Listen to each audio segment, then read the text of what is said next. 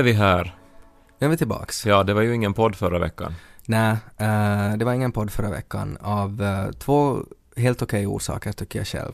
Ena orsaken var att eh, jag har haft magsjuka, Janika har haft magsjuka, Lo har haft magsjuka. Det har varit mycket spyor och andra saker. Kroppsvätskor och, och eh, smärta och skrik. Ja, i, i olika omgångar. Mm. Och då är det svårt att banda podd. Uh, och sen också i kombination med det så dog min mommo också. Så det har varit en begravning också på det. Så det har varit ganska en uh, inte så trevlig vecka faktiskt. Nej, alltså det är ju... Jag har ofta, så här tycker jag, tampats med det här säkert eh, allmänt österbottniska svårigheten att när är man tillräckligt sjuk eller när är det tillräckligt jobbigt för att man ska kunna vara borta från jobbet. Mm. Eh, och det, det är aldrig lätt. Och, och, och det är vä- väldigt sällan som jag upplever att jag är tillräckligt sjuk. Mm. Så att jag inuti mig känner att det är okej att vara Att man bort. kan med gott samvete helt Ja. enkelt Ja. meddela att nu blir det inte något. Du uttryckte det nu, nu mycket enklare än mig, men att eh, jag, jag tror alla håller väl med om att du nu hade en, en, en, en ovanligt eh, bra orsak här. Ja, alltså att om man eh, kramar toaletten från klockan nio på morgonen till åtta på kvällen eh, och är så sjuk att vi också, vi var ju tvungna att ställa in två föreställningar av showen också och sen efter det gå på begravning. Så jag tycker att det är helt okej. Okay. I framtiden sen, att om ni undrar varför det inte kommer någon podd, så då ska ni kolla in Pleppo Toy på Facebook, vår Facebookgrupp. Där skriver vi alltid ifall det inte kommer någon. Där skriver vi alltid, och det brukar också dyka upp eh, information på Radio Extrems Instagram. Mm. Eh, Så att eh, om man undrar att är det något fel nu på min, på min eh, podcast-klient Mm. så kan man först gå på sociala medier och se Exakt. innan man börjar byta telefon eller vad man nu lyssnar på. Mm. Mina föräldrar lyssnar ju som bekant via TVn Ja. och eh, det går ju att lyssna på den här podden på väldigt många olika sätt. De hade säkert försökt flytta TVn till andra rum och se om det var någon störning. Men om vi ännu en stund återvänder till det här med att vara sjuk och att är man tillräckligt sjuk. Mm. Att jag har tänkt att det, det, det är liksom, eh, alltså som att man borde hitta vid det som en skala. Och jag, jag tror att, eh, att, att skalan är liksom den här, den här uppställningen som de har vid eh, auditionsen vid Voice of Finland. Mm. Att man, eh, om man till exempel hostar och, och, och mår illa, så det här, skulle man liksom ställa sig då på en scen och så skulle det vara tre läkare som alla sitter med ryggen mot en. Och så ska man liksom hosta då, eller man ska Mm. som eh, visa då hur, hur ens krämpor låter då. Ja. Man kan hosta eller spy och så ser man då att hur många vänder sig om. Mm. För läkare är ju ytterst så här vana att höra på halvsjuka människor, så de är ju Mm. trötta då när det kommer någon som är lite förkyld då, Mm. och, och så måste de då börja skriva ut liksom vanlig värkmedicin. Mm. Uh, så att uh, de, om de alla tre vänder sig om, så då är man antagligen så pass sjuk att man kan vara bort från jobbet. Ja, och men, men så, en sån där person är ju, oftast är det ju någon i ens närhet som är en sjukdomare, helt Jaha, enkelt. Bra. Alltså någon som bedömer att är du tillräckligt sjuk för att kunna stanna hemma idag? Eh, och eh, oftast är det ju ens mamma. Alltså från när man var liten. Så är det ju sådär att, att, eh, att man sa ju åt mamma att nu är jag sjuk. Och Ja. så sa hon skärp dig, nu far du till skolan. Exakt, det var det jag skulle säga, att ofta var ju mammor rätt så hårda så här, att nej, Mm. ska man nu vara för känslig heller. inte. Nej. Uh, så att, uh, men då när hon sa då att, att, Mm. att nu blir du hemma, så då, Det, där, det är intressant, för jag började tänka på min mormor då. Eh, för att hon var ju inte alls som min mamma när det var sådär, utan att med mormor så gick det alltid, att fast man hostade väldigt lite, så tyckte hon direkt att man var så sjuk så att man borde nog liksom vara hemma en månad åtminstone. För hon var ganska sådär orolig av sig. Och det var viktigt att ta liksom sjukdomar på allvar. men var hon un, under sitt liv sjuk så här då? Nej, alltså hon blev ju 96 år.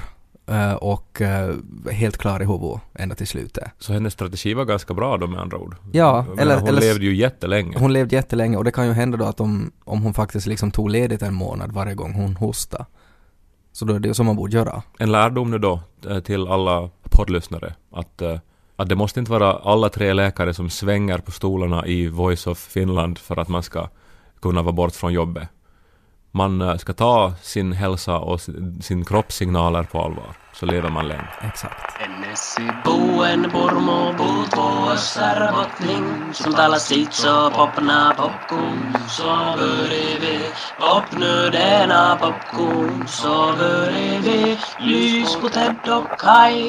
Det kom fram eh, under begravningen att eh, något av det sista som eh, min mommo hade sagt åt eh, min eh, moster blir det då, alltså min mommos ena dotter, så var att eh, begravningar har blivit så usliga den senaste tiden.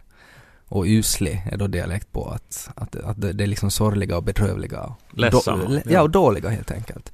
Och det är en väldigt intressant åsikt på något sätt som att, att begravningarna, till och med begravningarna var bättre förr. Ja, på det sättet ja. Att, att vad är det som gör att en begravning inte bedrövlig? Eller skulle det kunna vara så, och det är ju lite hoppfullt då att när man börjar själv närma sig li- livets slut så känns döden inte som något som jätteotroligt ledsamt och omöjligt mera. Mm. Det skulle man ju kunna hoppas att det blir så. Ja. Och att man då börjar se på begravningar på ett annat sätt. Mm. Kanske. Mm, det kan hända. Men eh, också visst eh, så är det ju ett uttryck kanske för en, för en viss eh, skepticism mot nutiden då. Och det är ju en viss skepticism mot nutiden är ju någonting som eh, krystalliserar min mommo väldigt mycket. men var du nära din mommo så här? Eh, jag skulle säga att jag var, ju äldre jag blev så desto mindre nära blev jag. Eh, att eh, jag är ju uppvuxen, alltså mommo bodde ju på andra sidan vägen när jag var liten och eh, hon kötte oss när vi var små och sådär. Att jag hängde väldigt mycket med mommo när jag var liten. Men ju äldre jag blev så desto mindre gjorde jag det. Mm. Eh, Ganska vanligt tror jag. Ja, jag tror det också. Eh, och också den här österbottniska grejen att man har mommo på andra sidan vägen eh, är också ganska vanligt. Men eh, det kom ju fram väldigt mycket så här, alltså den senaste tidens interaktioner med mommo så handlar ju mest om prioriteringar och val i livet och hur viktigt det är att ta dem i god tid. Och eh, en, en sån här, en, en väldigt stor grej med det så handlar ju om relationer. Och det är ju det här att man måste eh, att man måste ha fördrag med varandra. Alltså att man måste så att säga förlåta varandra och liksom utstå ens egenheter. Ja, det, så skulle jag tolka det. det var, jag är inte helt säker på att om det var det hon menade, men att jag tror det. Eh, att det var väldigt viktigt att man måste ha fördrag. Och framförallt så måste kvinnan ha fördrag med mannen, för att mannen tänker bara med halva hjärnan. Hon är väldigt noga med att poängtera det nästan varje gång vi var och hälsade på. Mannen tänker bara med halva Mannen hjärnan. tänker bara med halva hjärnan. Och, och det är inte liksom, det, så är det. Att därför måste kvinnan ha fördrag med mannen. För att mannen kan inte något åt det, att de har bara halva hjärnan. Det här är en ganska feministisk eh, inställning från en kvinna som jag antar att inte kanske stod i främsta ledet när det var den här 70-talsfeministvågen. Nej, men det är, ju, det är ju just det som är så eh, paradoxalt i det också. För att hon tycker ju, hon är, var ju väldigt konservativ och väldigt traditionell med, med var kvinnan ska stå i huset och sådär. Men att, att ändå så har mannen bara halva hjärnan, men att, att det ändå liksom, de här gamla äh, värderingarna fanns nog kvar. Men det är ju en fin sak ändå att man ska ha fördrag med varandra tycker jag. Ja. Det är ju Ja. alltså, eh, all sån här um, mänsklig uh, umgänges, eh, alltså på något vis en grundregel som det är ju helt bra att leva efter och så, vidare. Ja, så är det. Och, och det är ju helt bra. Eh, och det är ju någonting som, jag kommer ju alltid att tänka på det. Alltså att det blev ju på något sätt hennes, hennes mantra och motto. Och det är ju någonting jag alltid kommer att tänka på. Alltid också när jag grälar med Janika i framtiden så kommer jag att fundera på det där att jag, hade jag fördrag nu då? Nu måste jag ha fördrag. Och att jag har ju bara halva hjärnan. Jag använder ju det som argument också när jag grälar med Janika. Att hon måste ha fördrag med mig, jag har bara halva hjärnan och då kan det gå sådär. Det påstås ju att man bara använder en bråkdel av sin hjärna också. Mm. Så att, Men det, är väl, det har väl visat sig att det inte riktigt är sant. Har jag för mig. Men det kan ju nog hända att Momo var föregångare också inom... Hon, hon, hon har forskat i hjärnan och vet det där. Eh, också när jag tänker på, uh, på Los förhållande till min mommo. Att eh, man är ju liksom uppvuxen med sådana här släktlegender. Alltså sådana här personer som finns i släkten som, som eh, var döda liksom före man blev vuxen. Att folk har bara pratat om dem. Eh, och de har liksom förstärkts vad de, hur de var och vad de höll på med och sådär. Att, att jag har till exempel en person i släkten som, som det pratades mycket om att han, han kunde prata löset hemman. Att han gjorde ingenting, han bara liksom satt på sofflocket på dagarna. Prata löset hemman på riktig svenska så betyder väl alltså att man så att säga blir besittning av ett helt hemman bara genom att prata. Ja, och, och det lär vara så att det var exakt så det var. Att han, han blev bekant med ett, ett gammalt par som bodde ensamma i skogen och så var han dit varje dag och pratade och sen när de dog så testamenterade de allt åt honom. Ah, ja. Eh, Men och sådär. Och det är ju en sån här liksom, en, en legend för mig, att jag träffar aldrig den här människan men att det låter ju liksom helt fantastiskt. Och att Momo kommer ju att bli en sån legend åt Lo. Alltså att hon kommer att vara den här människan som pratar om att man ska ha fördrag och, och som pratar om sen hon var 55 ungefär så sa hon alltid att ja det här är ju min sista sommar, att ni ska ju veta det att jag kommer ju att dö snart. Så att Hon hann se Lo förstås. Ja. Eh, Se honom uh, liksom... Hann hon göra. eh, Hon var år. besviken, hon tyckte att han liknade för mycket sin mamma. Och sen sa hon att jag måste, att jag ska för allt i världen inte spara skägg igen. Och så är hon väl besviken för att Lo bara har en halv hjärna. Det också ja. Ted och Kai. Pratade jag tidigare om att, eh, om att vara sjuk på olika sätt. Och eh, du var ju då magsjuk och låg och Mm. spydde. Jag har ju haft lite så här en ständigt pågående förkylning som har då och då gjort att min röst har varit ganska svag och det är ju lite problematiskt när man ska stå på scenen och så här men Mm. annars var det ganska eh, ändå frisk Mm. eh, överlag i mitt liv vill jag väl säga. Ja. Men eh, det slog mig att man kan ju bli sjuk av så många olika orsaker och att man kan bli sjuk av, av förväntningar också. Och Mm. ovisshet. Mm. Det kan man. det är väl något som man kanske som, som vuxen lite har, har, har glömt det. För att uh, för tiden är det inte så mycket som är ofta så ovisst eller så spännande. Mm. Att eh, när man var barn så var ju tentan på, på julafton till exempel var så här att man kanske, att man var ju så pass intensiv att man Mm. nästan mådde lite dåligt. Det är väl en sorts, inte vet jag, cynicism som man har fått. Alltså att man som vuxen vet man att livet har inte så mycket positiva överraskningar. Att livet är som det är. Medan som barn så var man alltså där att vad som helst kan hända. Jag brukar tänka då och då på de här anhöriga till de här som var på det här planet som försvann i eh, det här Indiska oceanen, det här Malaysian Airlines-planet, Mm. som de ju ännu inte har hittat. Nej. Att hur ska de någonsin kunna liksom få någon sorts En closure. i Mm. sig själv? Mm. För att ska man då ge upp så känns ju det som ett svek om det sen skulle visa sig att det här planet mirakulöst nog har liksom landat på en ö och där har de nu skapat ett samhälle Mm. som håller på att utveckla en radio och om tio år har de färdigt radio så de kan kontakta yttre världen. Mm. Eller ska man då bara acceptera att troligen är de ju alla döda? Mm. Ja. Ja, jättesvårt. Ovisshet om man börjar må dåligt. Mm. Nåja, eh, lite kanske långt ifrån det som jag nu då ska berätta om, men jag har levt med en enorm ovisshet i flera månader här, Mhm. som har nästan gjort mig sjuk. Och, eh, och, och, det, och, det gjorde mig sjuk faktiskt i något skede också, jag ska berätta. Men det startade alltså i november det här.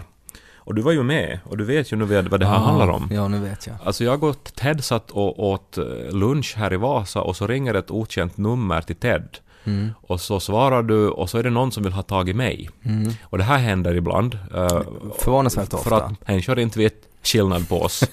och så ska de prata med Kai och så, Mm. och så är det, vad, vad hette han nu den där som håller på med de där skojiga juttorna, det, det är väl Ted Forsström. Mm. Och, och, alltså de minns ett namn och det är oftast Ted. Och så, och så ringer de honom när de vill ha tag i mig. Mm. Nåja, eh, men så gav Ted mitt nummer, eh, Mm. fast vi satt mitt emot varandra. Det var ju lite ineffektiv användning av, av den andras Bara så det- Så telefontid. det skulle låta mer officiellt bara. Du skulle ha kunnat bara ge telefonen till mig, men du valde Mm. att istället låta den här människan ringa mig då. Ja. Och det gjorde han då. Och det visade sig då vara en eh, man från en av de största bankerna i Norden. Eh, han presenterar sig så, Mm. eh, med pankens namn, men nu ska jag inte nämna pankens namn här då. Eh, och han eh, eh, sa att han skulle träffa mig på lunch. Och eh, jag blev nu då för ett par år sedan en sån här Etu Asiakas förmånskund i min egen bank. Eh, Och efter det har det hänt då och då att eh, det har ringt människor som har velat att jag ska investera i olika saker. Av för mig obegriplig anledning. För Ja. bara för att jag gick med ett sånt här förmånsprogram innebär ju inte det att jag mitt i allt har en massa extra pengar som jag vill investera i, i något sån här startup-företag i per häll. Eh, så jag snäser lite då den här mannen då att eh, att uh, nå, jag är som i Vasa nu så att om vi ska ses på lunch så får du nog säga vad det handlar om då. Ja. Och så sa han att han får inte säga vad det handlar om. Men han kan säga vad det inte handlar om. Fåglar. Nå, det blev ju som lite så här sketchupplägg då, men så säger han då att det kommer inte att vara någon press på den här lunchen. Alltså Vilket är intressant. från tidningar. Ja, och det är ju intressant att man säger. Ja, för varför skulle det vara det på en Ja, lunch? exakt. Och sen så kommer han inte att sälja mig någonting. Mm. Och så för det tredje, jag kommer att bli glad. Mm.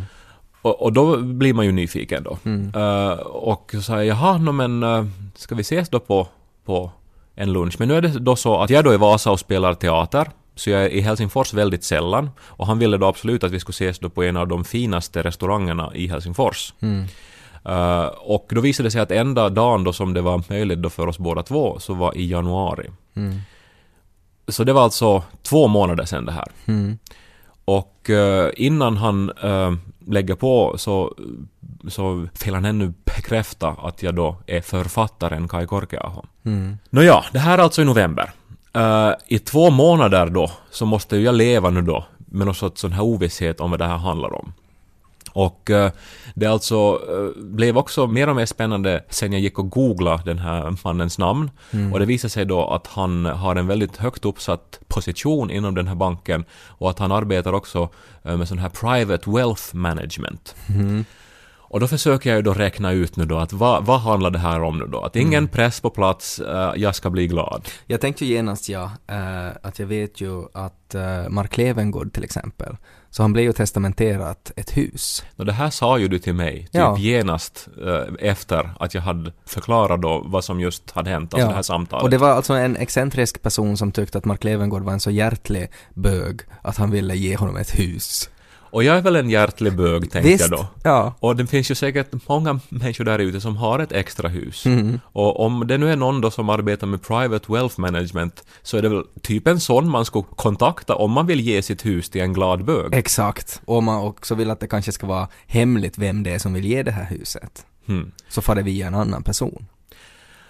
Och eh, ett annat alternativ var ju då förstås att eh, jag skulle typ få någon sorts vet jag, stipendium av något slag för att när man Mm. är författare och han uh, ville ju som sagt kolla då att är jag författaren Kai Mm. Korkeaho så händer det då och då att man kan ansöka om olika stipendier och om man har tur så, så får man dem då så att man ska kunna jobba, Mm. eh, få lite arbetsro. Så eh, det var ett alternativ. Eh, sen så, jag nämnde ju det här då eh, till några nära vänner då Mm. och alla hade ju mm, idéer om vad det kunde handla om. Eh, ett tag så, så, så var jag helt säker på att det var någon sorts eh, inbjudan till något hemligt sällskap. Mm. Att nu är det liksom någon sån här, vet du, finlandssvensk eh, eh, sammanslutning av rika, högt uppsatta samhällsdignitärer Mm. som vill bjuda in mig till sin hemliga klubb. Mm. Men det kan ju också vara lite så här Ice Wide Shut och, och så här djurmaskar och att du kommer dit och, och så står de där med en piska. Men ändå, jag skulle få med i klubben. Jo. För nog är det ju spännande med hemliga klart sällskap. det, klart det. Och så här ritualer Ja. och sen att man inte får säga till någon men alla Mm. ändå vet att man är med i någonting. Mm. Det, det är ju som en sån aura jag skulle, skulle vilja ha. Så är det. Men un- under de här två månaderna så, så växte ju den här förväntan. jag har ju redan börjat liksom fantisera med storleken på det här huset och att om, om jag skulle kunna hyra en del av det och liksom bo också där på en våning och Av en händelse så har ju Niko och jag just nu gått till såna här bostadsplaner. Mm. Att vi sk- skulle vilja eh, flytta till en större lägenhet. Mm. Men att jag har lite så här undermedvetet, tror jag, under de här två månaderna stoppat alla såna här planer eller såna här Mm. diskussioner. Alltså jag har inte velat uttala det högt att jag kanske ska få ett hus någonstans. Men en del av mig har varit så här att det finns ju en sån chans. Ja, klart det. Ja. Eh, och eh, så blir det ju då till januari till sist. Mm. Det var en helvetisk jul. Jag har inte kunnat njuta av en enda föreställning här på Nej. Vassteater. Jag har, jag har inte sovit ordentligt en enda natt. Mm. Och så helgen innan det här mötet då som är inbokat så kommer det ett mail av den här punkkillen. Där han då för det första skriver att han tyvärr inte kan vara på plats. Mm. För att nu har han fått förhinder. Ja. Men de andra kommer att vara där. Mhm. Och eh, det är bra om jag tar slips. Det är klart man ska vara uppklädd om man ska få ett, ett slott. Och, men ändå, det är en tisdagslunch det här nu. Mm. Liksom. Eh, Så jag, jag, jag hade ju inte tänkt ändå gå i slips. Mm. Så nu får ju jag då som glad bög som ju måste vara uppstädad och snygg inför då de här människorna som ska ge mig ett hus för att jag är en glad bög. Mm. Eh, Så jag får ju då eh, med panik då eh, till min garderob, letar igenom allting, hittar inte en enda slips som ser bra ut Mm. och tänkte jag att jag måste ju få och köpa nu då en, en representativ slips. Mm. Så jag får till ett av de stora varuhusen då. Jag träffar en trevlig expedit. eh, meddelar att eh, nu är det så att jag ska på ett sån här mystiskt möte Mm. och, och att eh, jag ska nu då ha slips, har jag blivit ombedd. Mm. Och då är hon så här att nej men om de säger att man ska ha slips, då betyder det inte att man ska ha slips, då ska man ha kostym. Mhm. Så då, uh, ja okej, jag måste skaffa nu då en ny kostym och hon är ju oerhört bra att sälja in eh, sitt utbud då, så att hon plockar ju fram skjortor och västar och eh, näsdukar och slipsar och kavajer och mitt i allt har jag då köpt en kostym för tusen euro. För alltså det är på den här nivån nu som de här förväntningarna är. Ja, ja. Vet du? Att, Mm. alltså att allting är möjligt och äh, det skapar liksom dels äh, den här förväntan men också som en skräck att jag måste vara förberedd nu då på, Mm. på, på det, det värsta att jag får inte nu då liksom sumpa vad det än är utan jag måste se re- representativ ut, jag måste göra det här ordentligt. Mm. Jag är galen vid det här laget. jag, jag, jag känner igen den här galenskapen och jag, jag kan så förstå att det blir sådär. Mm. Två nätter till, då, då, jag helt ärligt inte sover alls. Nej. Alltså några plundar. Men jag är så oerhört spänd och nervös inför det här, vad det ska vara. Mm. Eh, och uh, dagen innan kommer ännu ett mail. eh, från den här uh, punkmannen som i och för sig inte kan vara på plats men som ändå på något vis kommunicerar å det här mystiska sällskapets vägnar. Ja. Eh, att det skulle vara bra om jag är där prick 12. Ja. Prick 12 anlände jag då förstås uppklädd i min 1000 euros nya kostym Mm. till den finaste restaurangen i Helsingfors Mm. med oerhört motstridiga känslor och förväntningar och eh, jag, jag liksom har aldrig i mitt vuxna liv tror jag varit så här nervös. Mm. Och i hissen på väg upp till restaurangen möter jag Karl Haglund. Eh, och eh, det har jag typ aldrig gjort i mitt liv. Så att eh, jag på något vis antar att det här hör ihop nu då. Mm. Att han ska nu då liksom vara med här. Och sen så är jag bara att, nej men vänta nu, är det som typ SFP som vill ha med, med mig på något sorts kommunalvalsjippo eller någonting? är det det det här handlar om? Ja. Och vad besviken jag kommer att bli då, men Ja. måste ju hålla masken. Ja, Men så stiger Karl av på en annan våning ändå, så det är inte det då. okej. Så kommer jag ju upp dit då, och där står de allihopa då. Vem? Och nu kanske jag borde nu då vara så här att det berättar jag i nästa avsnitt, för att vara pedagogisk. Så att folk förstår en del av den här Jag kan säga vem som inte var där. Nej men alltså, det skulle, gå här nu liksom att ge lyssnarna liksom en, en, en, en inblick i en del av den här ångesten som jag har levt med Ja. i två månader ja, då. men fittigt skulle det ju vara. Ja. Det är upp till dig. Fundera en stund.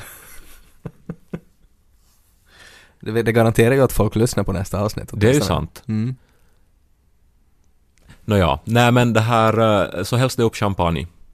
Och så, eh, så tar en, en herreman då, alla har kostym och Mm. eh, enda kvinnan på plats har så här liksom eh, klänning. Så det var bra att du hade Det var kostym. bra att jag Mm. hade kostym. Och så läser eh, han då upp eh, från en lapp Mhm. en motivering till ett pris som jag ska få. Mm. Och eh, så fick jag nu då ett eh, medborgarpris som delas ut av den här stiftelsen i fråga Mm. en gång i året. Mm. Och eh, det ges då till folk som eh, de upplever då att ha gjort någonting kiva för samhället. Mm. Bland annat har ju då tidigare John Wikström och Elisabeth Rehn och Sås och Kopp fått det här medborgarpriset. Mm. Så jag är ju i gott sällskap. Eh, så det här är jag ju väldigt glad och stolt över. Det var väl mer än tusen euro? Det var mer än tusen euro. Ja. Så då, då var det ju ändå liksom, kostymen var ju inte hocka så att säga. Inte alls. Och eh, det är förstås en stor ära att få Mm. det här. Förklara dem varför det var viktigt att hemlighålla det sådär. De tog upp saken. Mm. Att nu blev det ju nog en onödigt lång väntetid. Att ofta Ja. brukar de ringa typ veckan innan. Ja. Och de brukar vilja hålla det som en överraskning nog ända tills man är på plats. Mm. Men de tror jag nog var medvetna om att det här blev nog en ganska... När de såg den paniken i ögonen och håret som inte har sovit på flera dagar och Och prislappen på kostymen som jag glömde ta bort.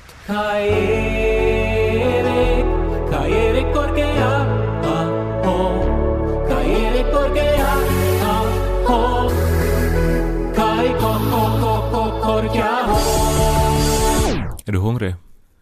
Uh, nej. Jag tänkte bara säga att på den här fina restaurangen Mm. så, så hade de ett sånt här stort eh, bord av ek där det stod olika sorts, no, det var kärl och det var, det var såna här champagnehinkar. Mm. Och så var det en, en anordning som var liksom helt i gjutjärn och det här eh, sån här glänsande krom Mm. eh, som såg lite ut som en hjälm på ett sätt men Mhm. högst upp så var det som en, en sån här skruv som man kunde skruva som gick rakt Ska ner man liksom i hjälmen. sätta det på huvudet och så kan man sätta två champagneflaskor där och så är det sugrör till munnen. Eh, in, inte alls en dålig gissning, för att det var ungefär så det lite såg ut. Ja. Men så längst ner var det en sån här pip, vet du, som, som, som det ska som rinna någonting ner. Och så Ja. under en liten skål. ja. Och uh, alltså det såg ut lite som, ett, som en medeltida hjälm, Ja. helt i metall. Mm. Eh, men det var alltså, eh, och den är nu alltså i bruk på den här restaurangen, en ankpress. Mhm. Och, eh, och det är alltså precis vad det låter som. Att, att man sätter Alltså en man har- anka in i den här hjälmen och så skruvar man på skruven så ankan krossas där inne och så rin, allt det som rinner ut i den här pipen faller ner i den här skålen. Och så gör de jävlarna sås av det. Men alltså en hel anka med fjädrar och näbb och allting. Blev lite oklart. Man får ju hoppas att ankan är död när det här händer. Ja. Men oberoende så, så är det ju en, en, en, en, en idé som, som härstammar från uh, nog en annan social klass, alltså där man på något vis är, är så förmögen att man, att man vet du, har, jag vet inte. Men jag tänker sådär på, alltså att när man, när man pressar apelsin, dricka lite apelsinjuice på morgonen, så får man då hämta en anka och så sätter man dit den. Och så kvackar den då lite in i hjälmen. Och så börjar man skruva. Och så kommer det först, först är det kanske genomskinligt det som kommer ut. För att den var kanske lite våt, den kommer direkt från, från dammen. Och så blir det bara rödare och rödare. Och så dricker de där kostymnissarna det och skålar.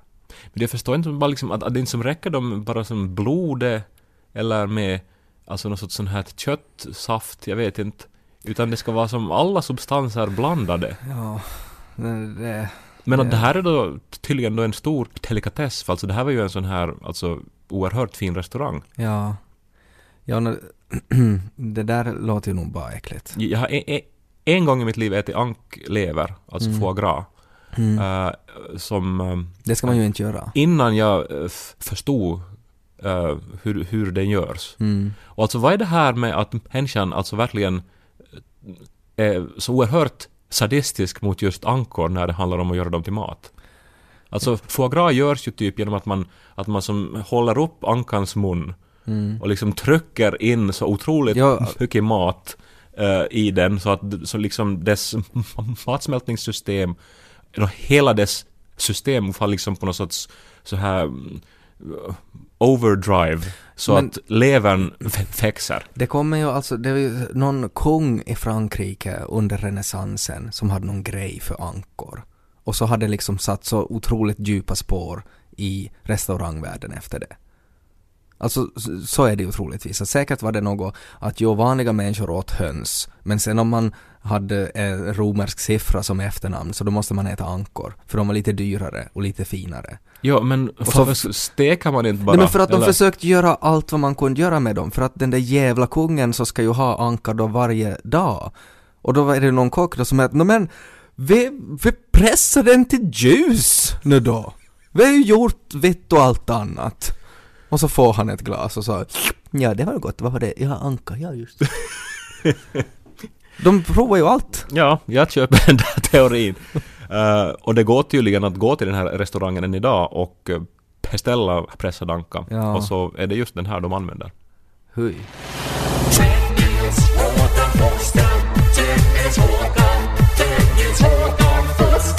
Ju en speciell känsla man får i sin kropp när man, gör, när man är riktigt dum. När man gör bort sig och man är riktigt, alltså man är stendum. Det blir nästan som en smak, tycker jag, i munnen. När man inser att nu kan jag inte skylla på någon. Nu är det bara jag. Nu är det bara min egen dumhet, min egen på något sätt att man inte har följt med ordentligt som gör att nu har jag hamnat i den här situationen och, och så svider det. Kanske i plånboken, kanske i värsta fall i själen. Jag var med om en sån stund strax före vi skulle börja med den här podden. Ehm, um, jag skulle boka hotell och det var bråttom uh, och uh, jag försökte skynda mig. Det var bara en natt så det var inte liksom sådär jätteviktigt. Och det skulle nu bara vara något hotell.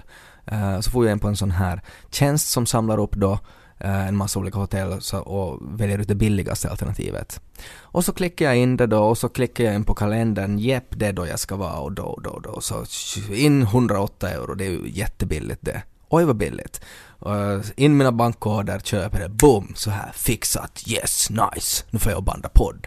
Så kom mejlet då och så såg jag att jag hade bokat det en månad i förtid.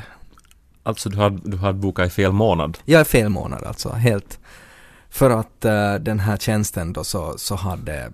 Att det, det så var alltså rätt datum men fel, eh, alltså rätt dag i månaden men inte, fel det var månad. inte ens rätt dag i, i månaden utan att det var, jag hade bara klickat på söndag. Och, och det på en fel månad. För att den där kalendern som ploppade upp på den där sidan så var inställd automatiskt på fel månad. Och jag kollade inte ens på månaden utan jag var bara så här att yes det här ska gå snabbt. Söndag, boom, där är det. Nu får vi. Så du, du bokar en, hotellnatt utan att se vilken natt du bokar. Ja, så kan man säga. Eh, och... Men eh, eh, det som är bra med hotellbokningar är ju att de typ alltid går att avboka, Ja. alltså ända tills dagen innan. Ja, alltså det är bara egentligen en bokning som man inte kan avboka och det är såna där som är på superreor eh, som man bokar en månad i förväg. Eh, så, och som är lite billigare och de är just billiga just för att man inte har möjlighet att ändra eller avboka. Och att det står väldigt mycket där att man måste liksom klicka kanske tre gånger. Att du är medveten om att det här går inte att avboka. Ja, ja, ja. Nu far vi, nu kör vi. Det är ju omöjligt alltså för mig nu att tycka synd om dig. Ja, eller eller som att hitta en, Alltså jag, jag förstår inte. Nej men det är just Det det, här alltså, alls. det, det är ju det som är grejen. Alltså det är omöjligt Men mår du bra då? Nej, inte gör jag ju det. 100, alltså att jag hossar bort 108 euro. Jo men på, på ett så konstigt sätt. då. Ja, för att jag har bråttom. Bara klick, klick, klick, klick, klick. 108 euro. Puff. Så Ja. måste jag ju boka på nytt då, då var det 139 euro. Okej. Som man kan avboka. Inte på men- en sån här rea. Men du kan ju väl fara och vara en Ja. på hotell då i, i Så det ska vi säkert göra. en annan då, månad då. I något skede. Men det kommer ju att kännas bra det inte. Och att komma tillbaka till det där samma hotellet då, alltså där känns nu är vi här igen. Tänkte vi. Så man känner sig så jättedum bara och så, så gammal också. Alltså det är ju som en sån här grej som man förknippat med en, alltså det är något som våra föräldrar skulle kunna göra som fel. Egentligen. De Nej. är inte så vana. Alltså det är just såna här fel som de inte skulle göra. Nej, kanske för För de, det de, ska dubbelkollas och det ska... Men jag stressade för att jag skulle boka det innan, före, så jag skulle få det, allting gjort nu så jag kan bara komma hit och banda podd med dig. Så egentligen är det lite ditt fel också. Jag tror att det är helt enkelt så att uh, både jag och alla poddlyssnare, din sambo, vi måste nu helt enkelt ha fördrag med dig. 108 euro är också en sån här jättejobbig summa. För att genast det far över 100 euro så är det ju mycket pengar. Alltså det är ju mycket pengar att bara liksom elda upp. Det är liksom, det, du kan vara eh, två gånger eh, två personer och äta riktigt fint på restaurang till exempel. Nej. Visst. Om, om du äter riktigt fint No, på men- restaurang så räcker det inte 100 euro för en person No, men en gång riktigt fint då. Alltså vad får du till för restaurang no, jag får inte fint? restauranger där man äter pressad anka åtminstone. Fair enough. Ja. Uh, men oberoende, det är, en, det är liksom en summa som jag inte bara kan glömma. Är det någon så här att shit, dit får 38 euro. Så kan jag vara såhär, ja no, men okej, jag kan liksom programmera om min hjärna och så, så glömmer vi bort det här. Men 108 euro kan jag inte göra det med. Utan jag måste leva med det här på mitt samvete. Att det är min egen mocka. Och så börjar jag tänka sådär att ja, det är 108 euro mat som Lo inte får, eller kläder. Och så känns det ju ännu värre. Känner mig skit. Ja, kära vänner, vad lär vi oss av det här? Hossa inte och ha fördrag med varandra och minns att karlar har bara halva hjärnan. Nej men det var ju det jag hade. Uh, ha inte för högt ställda förväntningar uh, och uh, Beställ aldrig anka. en fin kompott med lärdomar vi fick med oss från avsnitt 67 av Ted och Kai-podden, en svenska Yle-podd Mm. som ni hittar på Yle Arena, på Mm. Soundcloud och via iTunes. Och vi hoppas att ni sprider budskapet om den här trevliga, glada tisdagsfenomenet. och eh, så hörs vi nästa vecka. Om inte vi blir magsjuka. Man kollar på sociala medier. I så fall. Ja.